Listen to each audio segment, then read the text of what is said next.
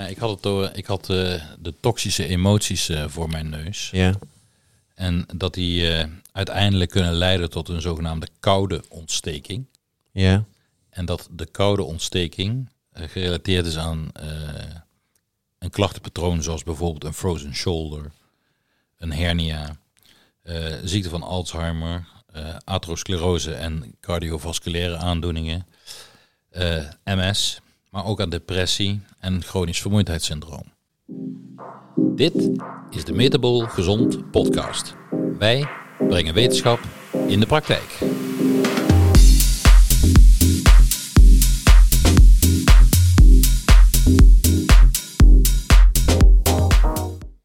Welkom bij weer een nieuwe aflevering van de Metabol Gezond podcast, waarin wij jouw gezondheid van reactief naar proactief brengen.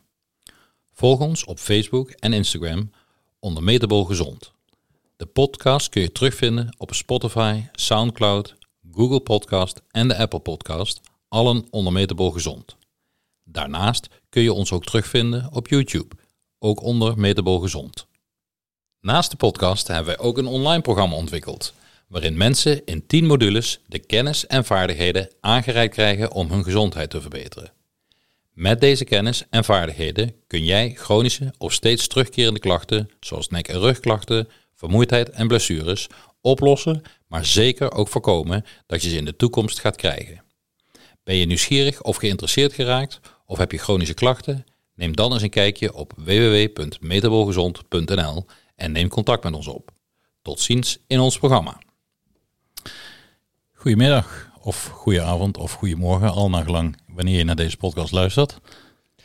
Ja, en welkom weer bij een nieuwe aflevering. Inderdaad, dat was mijn tekst, maar goed, je had hem alweer van me. Geeft helemaal niks. Ehm, ja, we zouden vandaag eh, het eens eventjes hebben over stress. Eh, ja, Zoals eh, eigenlijk altijd, waar we altijd op uitkomen. Ja, het is natuurlijk het mechanisme wat eh, altijd bij elke chronisch probleem een rol speelt. Nou ja, en de reden dat we even keer, eh, deze keer nog eens over stress gaan hebben, is, is dat we natuurlijk in de praktijk heel vaak horen, ja, maar ik heb geen stress. Ja. En ehm, omdat eigenlijk iedereen daarmee bedoelt, ik heb geen cognitieve stress. En daar kunnen we ook over discussiëren of dat, dat klopt. Maar iedereen bedoelt eigenlijk van, eh, het, het gaat eigenlijk wel goed zijn gangetje en ik heb eigenlijk niet zo heel veel problemen. Maar wat de meeste mensen niet beseffen, is dat eh, de, de, de cognitieve stress niet per se de enige stressor is die een rol zou kunnen spelen in het ontstaan van je chronische klachten. ja, en dan zou die zelfs eh, cognitief zijn, dan is het nog steeds de vraag of mensen zich er überhaupt bewust van zijn. Want je moet er natuurlijk wel ehm, mee bezig zijn of aan denken. Of het moet misschien actueel zijn op dat moment. Nou ja, dat is precies de reden dat ik zeg, daar kunnen we nog over discussiëren. Ja.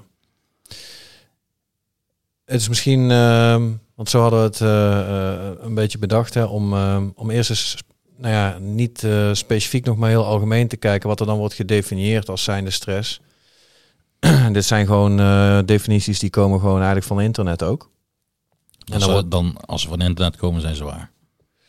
Ja, maar die zegt dat ze waar zijn, toch? Nee, nee, nee. nee. Nee, maar het zijn als je gewoon intypt wat is stress, dan krijg je eigenlijk ehm, dingen als eh, een, een niet specifieke reactie van het lichaam op de eisen van buitenaf. Dus dat wil zeggen dat ongeacht wat er van buitenaf op je afkomt, het lichaam eigenlijk altijd op dezelfde manier reageert. Ja, Met een stressreactie. ja. Oké? Nou en eh, bijvoorbeeld wordt ook eh, wat je tegenkomt is een bedreiging van de fysiologische of psychische integriteit. Dus als er eh, verwonding dreigt, lichamelijk, eh, door een, eh, ja, een aanvaller bijvoorbeeld, dan geeft dat een stressreactie. Maar je kan ook door psychische bedreiging dezelfde stressreactie uitlokken. Ja, waarschijnlijk dezelfde niet specifieke reactie. Precies.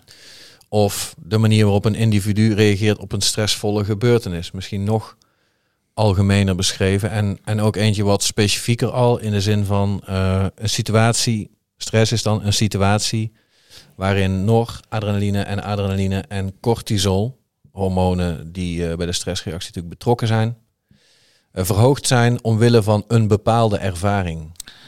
En dat betekent eigenlijk niets anders, als ik het goed begrijp, dat eh, een ervaring die op dit moment plaatsvindt, vanwege een ervaring die je in het verleden hebt gehad, mogelijk tot een stressreactie kan leiden. Ja, Zo eh, interpreteer ik dat in ieder geval ook. Ja. En eh, we hadden hier een lijstje eh, met, even tellen, 1, 2, 3, 4, 5, 6, 7, 8 manieren waarop een stressreactie kan uitgelokt worden. Ja. En eentje daarvan is inderdaad een cognitieve stress.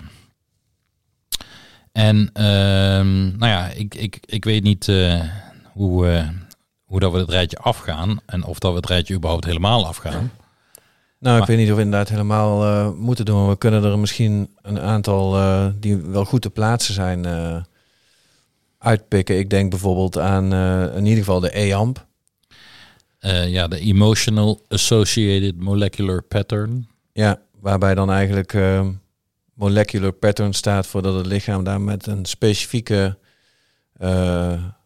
reactie qua stoffen die vrijkomen op reageert. Ik dacht, eh, laat ik ze eens even allemaal noemen. Prima.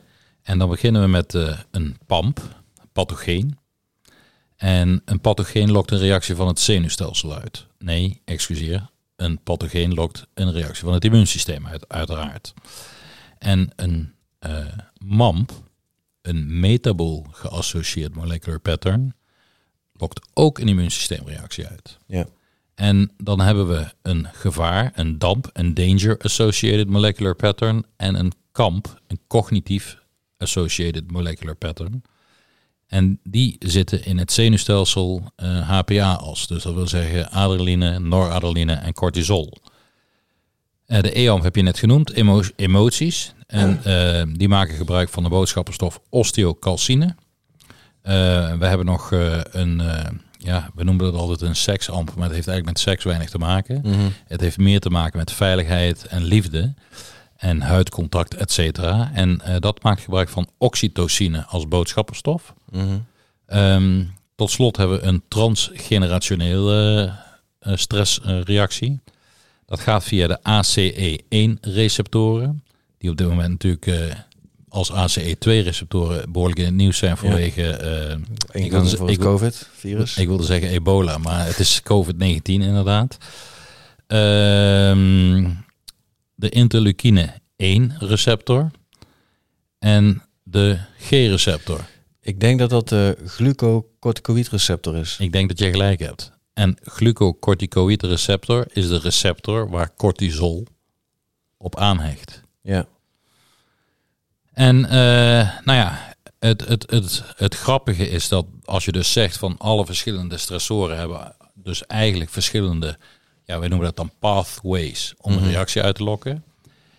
Maar uiteindelijk leiden ze allemaal tot eh, een aantal ja, chronische, niet overdraagbare aandoeningen, zoals insulineresistentie, een laaggradige ontstekingsreactie, hyperpermeabiliteit, dus een verhoogde doorlaatbaarheid van de darmwand.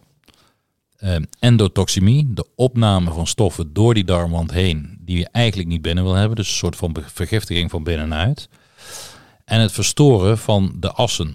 En het verstoren van de assen betekent een verstoring van je stressas, je hormoonas, je schildklieras en je, ja, je lichaamsas. Ja, precies. En eh, deze, deze vijf dingen die jij beschrijft, die zijn natuurlijk, een, een aantal zijn er direct aan elkaar verbonden. Want zonder eh, endotoxemie, of nee, ik moet anders zeggen, zonder een vergrote doorlaatbaarheid van de darmwand is er natuurlijk geen endotoxemie. En zonder endotoxemie is er geen low-grade inflammation, laaggradige ontstekingsreactie. Ja, En dan is altijd de vraag of dat insulineresistentie het uitlokt of het gevolg dat is. is precies wat ik eh, zat te denken en ook wilde opperen inderdaad. Ehm, Maar het kan dus allebei de kant op zijn. ja, denk het er, wel, er, is, maar er, is, er is bewijs. En ik ga direct eventjes eh, de onderzoeken opzoeken. eh, dat een laaggradige ontstekingsreactie veroorzaakt kan worden door een insulineresistentie. Als ook dat insuline, insulineresistentie veroorzaakt kan worden door een laaggradige ontstekingsreactie. Ik zoek hem even op. is dat ook iets wat jij eh, hebt gelezen in eh, Why We Get Sick? Poeh. Ook wat wij allebei hebben gelezen over eh, de belangrijke rol van insuline bij chronische ziektes. Dat zou zomaar kunnen, maar ik ben het ook al eerder tegengekomen. En altijd als je iets zoekt, kun je het niet vinden. Ehm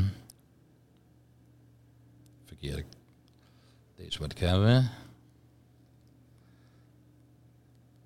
Ik denk dat ik het al weet. Ik heb ze niet gesynchroniseerd op mijn, eh, op mijn MacBook. Nou ja, we kunnen misschien wat we ervan weten sowieso eh, eh, op tafel leggen. Ja, roept u maar. Nou ja, ik zou in ieder geval denken dat de, het, het doorlaatbaar worden van de darmwand als gevolg van een stressreactie, met als doelstelling meer energie eh, terug het lichaam inhalen vanuit de ontlasting en de urine. Ehm, misschien wel als, als eerste eh, er is en dat er daarna ook een insulineresistentie ontstaat om ervoor te zorgen dat die energie ook aankomt waar die aan moet komen. En dat bepaalde organen resistent worden voor insuline om te zorgen dat zij het nou ja, dan niet krijgen. Ja, klinkt, eh, klinkt logisch, Tom. Ja, nou ja, dat is mijn, eh, mijn gedachtegang. Maar het zou eh, goed anders kunnen zijn. Maar we gaan eens zien wat jij terug kunt vinden. Nou ja, ik heb ooit eens iets geschreven en, en eh, dat ging eigenlijk over het krijgen van een blessure. En een blessure is een vorm van lichamelijk letsel die men door het beoefenen van sport heeft gekregen. Het is een vorm van lichamelijk letsel gekenmerkt door schade en of irritatie van weefsel. Er ontstaat dus een wond. Omdat de natuur een enorm vermogen heeft deze schade zelf te herstellen door wondgenezingsprocessen, is de vraag waarom een blessure ontstaat of waarom het herstel lang duurt eigenlijk relevanter. Ehm, en, en toch eh, zie je dat eh, toch nog behoorlijk wat blessures ontstaan. En dit is, eentje, dat, eh, dit is een, een dingetje wat ik geschreven heb voor het, ik heb het gevonden, voor het, het voetbal, voor het profvoetbal. Ehm, een ontsteking is een normale reactie van het lichaam op weefselschade. De ontsteking zorgt ervoor dat het directe gevaar wordt afgewend en de schade wordt gerepareerd. Onder normale omstandigheden kent het ontstekingsproces een duidelijk einde. Bij een laaggradige ontsteking is dit niet het geval.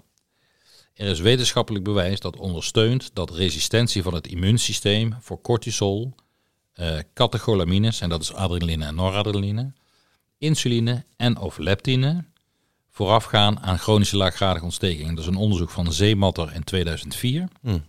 Maar er bestaat ook bewijs voor de omgekeerde situatie, waarbij de resistentie zelf wordt veroorzaakt door de chronische ontsteking.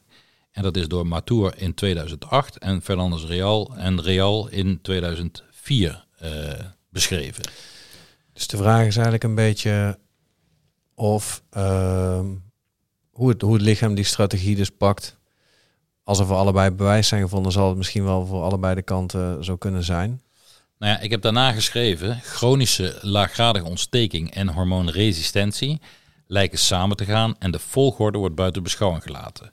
Een voortdurend actief immuunsysteem gaat vrijwel altijd gepaard met een verlies aan insulinegevoeligheid of insulineresistentie.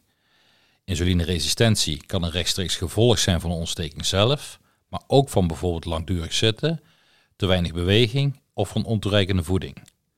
En chronische ontstekingen zijn van invloed op andere men, onder, eh, nog een keer. Chronische ontstekingen zijn van invloed op onder andere je mentale gezondheid en gedrag en op de verdeling van energie tussen hersenen, immuunsysteem en het metabole systeem. Waaronder dus het bewegingsapparaat. En dan zijn we weer terug bij Ja. de energieverdeling. Ja, ja precies. Nee, ik zou ook, eh, dat hoor ik hier ook een beetje in terug, als er natuurlijk een, een ontsteking is en die ontsteking die wordt chronisch. Mhm. Misschien even nog los van de reden waardoor het beloop van die ontstekingsfase dan afwijkt. Mhm.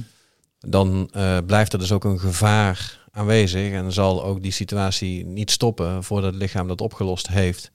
En daar zet het dan een strategie voor in. Correct. Dus dat hoor ik hier ook in het laatste stuk een beetje terug. Nou ja, dat is, dat is ook de reden waarom sommige klachten chronisch worden. Ja. En, en ehm, dat heeft te maken met die universele stressreactie waar we, Ja. al- waar we al eerder over gesproken hebben. Namelijk de productie van adrenaline, noradrenaline en cortisol leidt tot, ehm, heeft maar één doel, het verhogen van de bloedsuikerspiegel. Omdat onze hersenen een beslissing moeten nemen en daar moet energie voor zijn. Beslissing vechten, vluchten, bevriezen. Ehm, en vervolgens dat uitvoeren. En daarvoor moet er dan energie naar ons eh, ja, bewegingsapparaat. Ja. En een verstoring van eh, dat en- die energieverdeling kan dus tot een verwaarlozing van een van die systemen leiden, met als gevolg dat je daar klachten krijgt. Ja. En ehm, om nou die bloedsuikerspiegel langdurig eh, op een hoger peil te krijgen, is het noodzakelijk dat we meer glucose opnemen uit onze darm. En het meer glucose opnemen uit de darm gebeurt door die darmwand als het ware meer open te zetten. Dus een, een, een hyperpermeabiliteit te krijgen, een vergrote doorlaatbaarheid van de darmwand te krijgen. Zodat de, de bloedsuikerspiegel daadwerkelijk omhoog kan. Ja. ja, daarbij hebben we natuurlijk allerlei externe middelen. Want de zaken die eh, we net noemden, of die jij noemde eigenlijk, eh, de verschillende stressoren, de pomp, de damp enzovoorts, zijn natuurlijk in principe ook zaken die vaak van binnenuit kunnen ontstaan. Zeker. Eh, zeker als je, als je bijvoorbeeld kijkt naar de metabole eh Ja. eh, stressor, zeg maar. Dan, dan is het bijvoorbeeld het, het activeren van het immuunsysteem het gevolg van het feit dat nadat je gegeten hebt, er altijd een ontstekingsreactie ontstaat.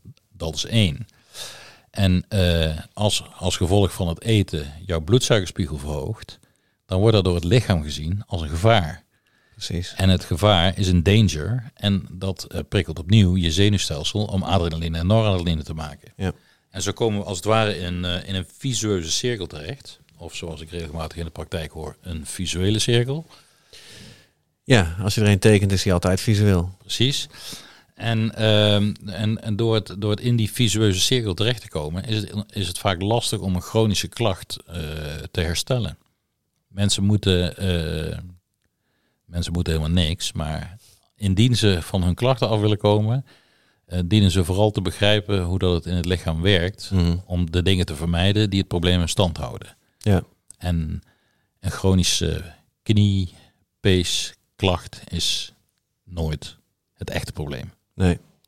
Nee, en misschien is het goed om te vermelden ook dat als er natuurlijk een stresszorg is en deze stressor houdt aan, want in eerste instantie, zoals we vaker hebben besproken, is de reactie op een stressor natuurlijk gewoon een normale reactie. Zo hoort het. Als hij aanhoudt, gaat het lichaam nou ja, allerlei strategieën inzetten om eh, dat aanwezige gevaar, wat misschien eigenlijk niet realistisch is, maar wat die prikkel blijft er wel. Kijk, het is ook al eh, meerdere malen in onderzoeken eh, aangetoond dat of dat, een, of dat een stressor nu echt is en reëel is, of in je hersenen Mhm. echt en reëel is, het maakt voor de manier waarop je lichaam reageert eigenlijk niet uit. Ja, dan zit je natuurlijk wel meteen in, eh, in, in de kamp ook. De cognitieve Ja, stressoren die je zelf ook kan, eh, kan opleggen door heel vaak aan situaties te denken. en de EAMP, omdat Ja. emoties ook een rol spelen. Ja. Wij, eh, wij doen af en toe eens een webinar. En een van de webinars die, die ik dan geef is over de stressreactie. Mhm. En ehm, dan laat ik mensen eh, rustig achter de telefoon, tablet, computer plaatsnemen als het webinar start. En dan zeg ik van, oh, we moeten even pen en papier pakken. En, en iedereen is natuurlijk oeh, oeh, oeh. Dus een kleine stressreactie. Mhm. Dan laat ik ze de, de hartfrequentie en de ademhalingsfrequentie meten. En dan kom je op een bepaald getal uit. Ik leg vervolgens uit hoe dat die universele stressreactie werkt. Ik laat ze een ademhalingsoefening doen en opnieuw tellen. En dan zie je dat iedereen naar beneden is. Met hun ademhalingsfrequentie en een eh, hartfrequentie. Vervolgens leg ik uit dat een gedachte of een gevoel of een emotie ook een stressreactie kan uitlokken. En voor heel veel mensen is dat een ver van mijn bedshow. Dus denk van ja, hoezo, hoezo krijg ik stress als ik ergens aan denk? Nou, ik laat dan in het webinar mensen terugdenken aan een situatie waarin ze ontzettend boos zijn geweest op iemand. Ik laat ze dan op dat moment ook echt, eh, ik voer dat een beetje, hè, van hoe wat voel je je daarbij en, en kun je nog voorstellen wat je daarbij, eh, wat je eigenlijk wilde doen en dergelijke. En dan laat ik ze opnieuw meten. En dan zie je dat bij bijna iedereen de hartfrequentie omhoog gaat, de ademhalingsfrequentie omhoog gaat. En dat is een teken dat er een stressreactie is. Ja. Ja, zo zijn die, eh, die emoties, want het zijn er eigenlijk drie, althans. Dat zijn dan de grootste groepen volgens mij die echt met EAMP, emotional eh AMP worden geassocieerd. Dat zijn de is boosheid of frustratie, angst en altijd- Schaamte. ja, schaamte zit erbij, maar ook eh, wat, wat eigenlijk bij de freeze-reactie hoort, dat je Dat je die kan oplossen. ja, dat je geen controle hebt. Ik ben even het exacte woord van de emotie kwijt. Ik kom er zo misschien op. Oké. Dus het fight-and-flight verhaal is, is meer de boosheid en, eh, en de angst. Ja. En eh, het, eh, het, de vriesreactie zou zijn dat je, er, dat je er echt geen controle meer over de situatie hebt, geen oplossing hebt, klopt wat jij zegt. ja. Ik kom zo wel op het, op het weet- woord. Ik weet ook niet waar je heen wil. Nee, nou, daar, kom ik, daar kom ik zo denk ik nog op. Ja. Ehm, en misschien, wat wij hier ook in het schemaatje zien, wat wij voor ons hebben, is dat, ehm, dat verschillende personen ehm, ook, ook verschillende eh, problemen kunnen krijgen, terwijl ze misschien eenzelfde amp hebben. Ja. Dat klopt. Dus dat is ook nog een, een, een factor. Dus elk lijf zal nog anders op een emotie reageren, of anders op een pathogeen reageren, of, of anders op een transgenerationele stress reageren. Nou ja, ik denk dat als je gaat kijken naar. eh, stel je voor, eh, en als je niet kan voorstellen, stel je voor dat je het je kan voorstellen. Onmacht, Onmacht, oké. dat was hem. Dat noemen ze ook in onmacht vallen. Ja, dat is een oud spreekwoord.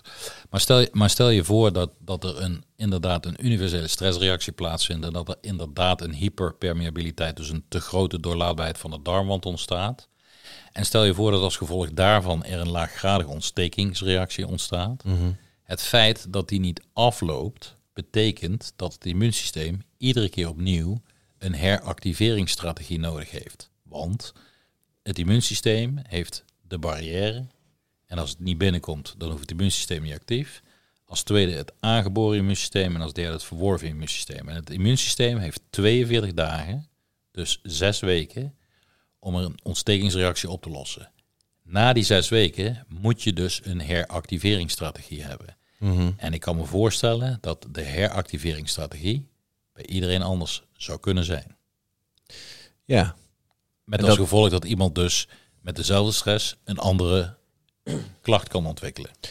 absoluut. Want een ander hormoon geeft hele andere klachten als, ze als ze ontregeld zijn. Ja.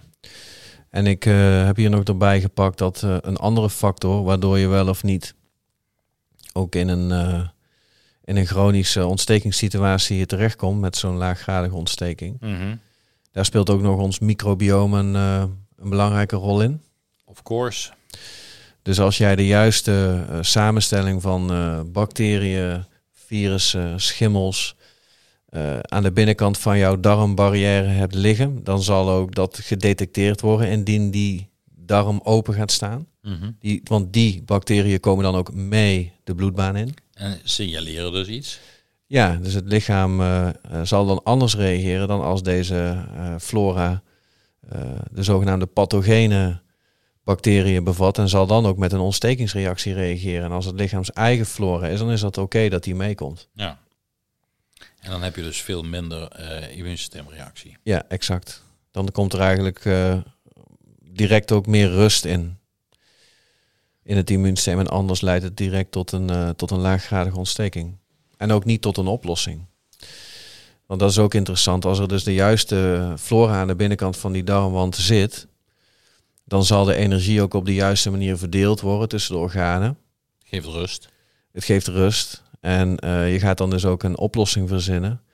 Met, stof, eh, met de stof dopamine wordt dan ook aangemaakt. En, en die oplossing wordt ook in het geheugen als een correcte oplossing eh, geregistreerd. Omdat er ook nog morfines worden aangemaakt in ons brein. Jij hebt het ook voor je neus. Of wat wil je zeggen? Ik heb iets anders als jij. Je hebt de film voor je neus.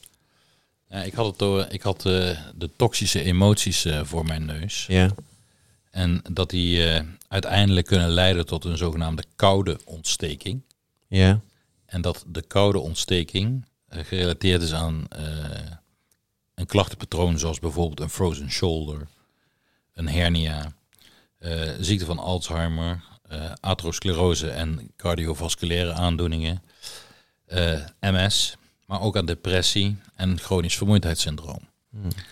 Weet je dat ze vroeger ook nog spraken over een koude ontsteking bij, eh, bij een dystrofie? Ja, dat was dus ook een emotionele, zeg maar. Waarschijnlijk. Maar als je gaat kijken naar de film waar je het net over hebt, over het ontstaansmechanisme van een klacht, dan zie je dat toxische emoties eigenlijk het emotionele motorsysteem in onze hersenen prikkelt. Dus En dat- daar waar angst, woede of schaamte of onmacht eh, zit. Nou ja, en dat, dat stukje in de hersenen, dat heet de amygdala.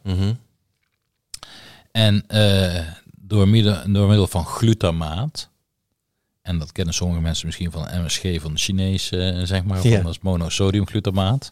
Maar glutamaat is een, is een neurotransmitter die eigenlijk prikkelt, prikkelend is. En met glutamaat prikkel je dus eigenlijk drie zenuwen. Ehm, die onder andere je gelaatspieren, maar ook je kaakspieren eh, eh, en je tanden zelfs beïnvloeden.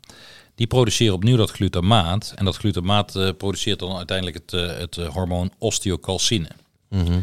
En osteocalcine is dus een soort van een stresshormoon, omdat het de parasympathicus, de nervus vagus, de, ja, de, de tegenhanger van, van eigenlijk zeg maar, het stresssysteem, geremd wordt. Ja, zoals wij eerder ook al gezegd hebben, eigenlijk is het stresssysteem het gaspedaal en is eh, de vagus en daarmee osteocalcine eigenlijk de rem. Nee, nee, nee, nee want osteocalcine haalt de voet van de rem. Ja, precies. Dus de rem remt niet meer. Nee, precies. In het geval van als het misgaat. Ja. Ja. En, en dat leidt tot een, eh, een flight eh, fight of een vecht-vluchtreactie. Mhm. En dat maakt dat ons speeksel eh, anders wordt. Het, wordt. het wordt dikker, het wordt kleveriger. eh, en dat leidt uiteindelijk tot een ontstekingsreactie van je tandvlees. En, en als dat lang genoeg bestaat, zelfs tot, eh, tot het ja, tot de botrot, zeg maar. Dus dat zelfs je tanden los komen te staan. Ehm, dus klachten die samenhangen met een emotionele stressor, vinden hun weg naar de problematiek door een verandering van de speekselsamenstelling van je speeksel. Ja. Waardoor vervolgens, en ik heb hem inmiddels ook voor me, wa- waardoor de barrière, in dit geval de mond, opent. En vooral open blijft staan. Ja, nou ja, je krijgt dus bloedend tandvlees, Mhm. tandplak, eh, tandsteen. Moet even nadenken, wat staat daar nu, maar het is Karies. tandsteen. Nee, Gaatjes. tartaar. Tartaar is, eh, is tandsteen. Ja. Karies zijn gaatjes en een vieze tong. Ehm, maar het grappige is, of het grappige is, ehm, dat er nogal wat, eh, wat andere dingen veranderen. Je krijgt een verdere vervetting van de barrière. Het remt de vetverbranding in je spieren. Dus het is zelfs een reden om Niet af te vallen. of aan te komen. Eh, daarnaast is het zo dat, eh, dat je metabolisme naar beneden gaat. Dus je gaat sowieso minder energie verbruiken. In de spaarstand. En je hebt eh, zin in suikers, in koeken, en snoep, En dat blokje wat, wat je, ja, dat blokje wat je opleest, dat zorgt voor een zittend leven. Ja, exact. Dus een emotionele stressor kan uiteindelijk voor een frozen shoulder zorgen. Dat je, letterlijk, ja, dat je letterlijk komt te zitten met de frozen shoulder. Dat je bevriest. Ja, Vond ik cool. ja. Dat is eh, zeker cool, want wie denkt er nou over dit soort dingen na als je met een schouderklacht komt te zitten? Nou ja, en, en het is niet alleen zo dat eh, emoties dat kunnen doen, maar ook gedachten kunnen dat. Mhm. Ehm gedachtes, eh, dat gaat dan via een andere route. Ehm, maar gedachtes die, die leiden tot een open darm. Wederom doordat gedachten stress kunnen uitlokken. Ehm, via die open darmwand, de hyperpermeabiliteit, de vergrote doorlaatbaarheid van die darm, eh, kan er een metabole ontstekingsreactie ontstaan. Er komen in ieder geval eh, bacterieresten en, en afvalstoffen door die darmwand binnen. En wederom leidt dat tot een verminderde vetverbranding in de spieren. Ja, hetzelfde Eh, rijtje. Nou, eigenlijk hetzelfde rijtje als wat ik net opnoemde. Maar het grappige is dat het dus ook tot hetzelfde rijtje aan aandoeningen leidt. Mhm. Hè? De frozen shoulder, de hernia. eh, nou ja, goed, wat ik net allemaal opnoemde. En zo zie je dat emoties en gedachten, vooral in het geval van bijvoorbeeld de frozen shoulder, eh, best een rol spelen in het ontstaan eh, van het probleem. En dat betekent dat als wij die schouder behandelen, maar er verandert niks aan de mindset, dat we de Ja. schouderproblemen niet gaan oplossen. Ja, dan is het een soort van, eh, van kansloos. Of in ieder geval is de kans op terugkeer eh, zeer groot. En ik moet zeggen dat als ik in de praktijk, want dat doe ik standaard tegenwoordig, vraag naar de conditie van de mond, dat er toch maar heel weinig mensen zijn die bij de vraag, als je ooit stokert of poetst, merk je dan ooit dat, er, dat, er, dat de tandvlees begint te bloeden? Ja, soms. Ja, dus Is dat, meestal het antwoord. ja, dat heb ik wel eens. Ja, Ja, is, wie niet? ja nou ja, dat is dus niet oké. In Maar- principe. Maar het feit dat iets vaak voorkomt, wil niet zeggen dat het normaal is. Exact. En eh, dus dit, dit geeft ook aan dat ik denk dat meer dan de helft daar eh, ja op antwoordt, dat hij dat wel eens heeft. Mhm. betekent eigenlijk dat eh, meer dan de helft ook een, een open mondbarrière heeft en een theorie, afhankelijk van ook andere factoren natuurlijk. Maar misschien dat deze factor op zichzelf niet, in, eh, niet, niet, niet een totale ziekte veroorzaakt, maar wel eh, een belangrijke factor is en die is dus vaak aanwezig. Een bijdragende factor. Ja. Alright. Hebben we er alweer een half uurtje op zitten? Ja, volgens mij eh, was het best wel wat wat we ook besproken hebben. hebben Dus ik ben benieuwd of het, of het, of het ook helder was, maar misschien moeten we die eens terugluisteren. Nou ja, het is in ieder geval zo dat we een aanzet hebben gegeven om eh, in ieder geval eh, toch ook eens naar die gedachten en emoties te kijken in relatie tot klachten. Ja. En eh, in de komende weken gaan we natuurlijk eh, met een aantal gasten een podcast opnemen, waarvan eh de, wel volgende ja. is Tim van Oorzo eh, van de Triggerpoint Reset methode. En daar gaan we het met name over dit soort dingen hebben, denk ik. Ja, en ook met, eh, met eh, Jan Bommeré die we aan het plannen zijn. Allebei mensen die eh, in de EAMS en, en in de gedachten in de kamps zitten. En de Sams. Ja, en in de trams. Ja, precies. Nou ja. Dus ja, er, er, komt nog, er komen nog leuke gasten aan in ieder geval. Tijd, Voor de quote. ja, Ik heb er eentje gevonden die ook wederom voor vandaag wel weer van toepassing is. Tot je weet hoe je lichaam werkt, ben je niet in controle van je leven. en dat hebben we zojuist uitgelegd. Ik denk dat het van belang is. Dat denk ik ook. En daarom hebben we dat uitgelegd in onze Mhm. tien weken durende metabole reset methode. Hoe het werkt, waarom het werkt zoals het werkt en wat je kan doen om dingen te veranderen. Zo is dat. Wederom eh, vrees ik dat er nog maar één ding rest. Tot over twee weken. Tot over twee weken. Deze podcast werd mede mogelijk gemaakt door Metabol Gezond.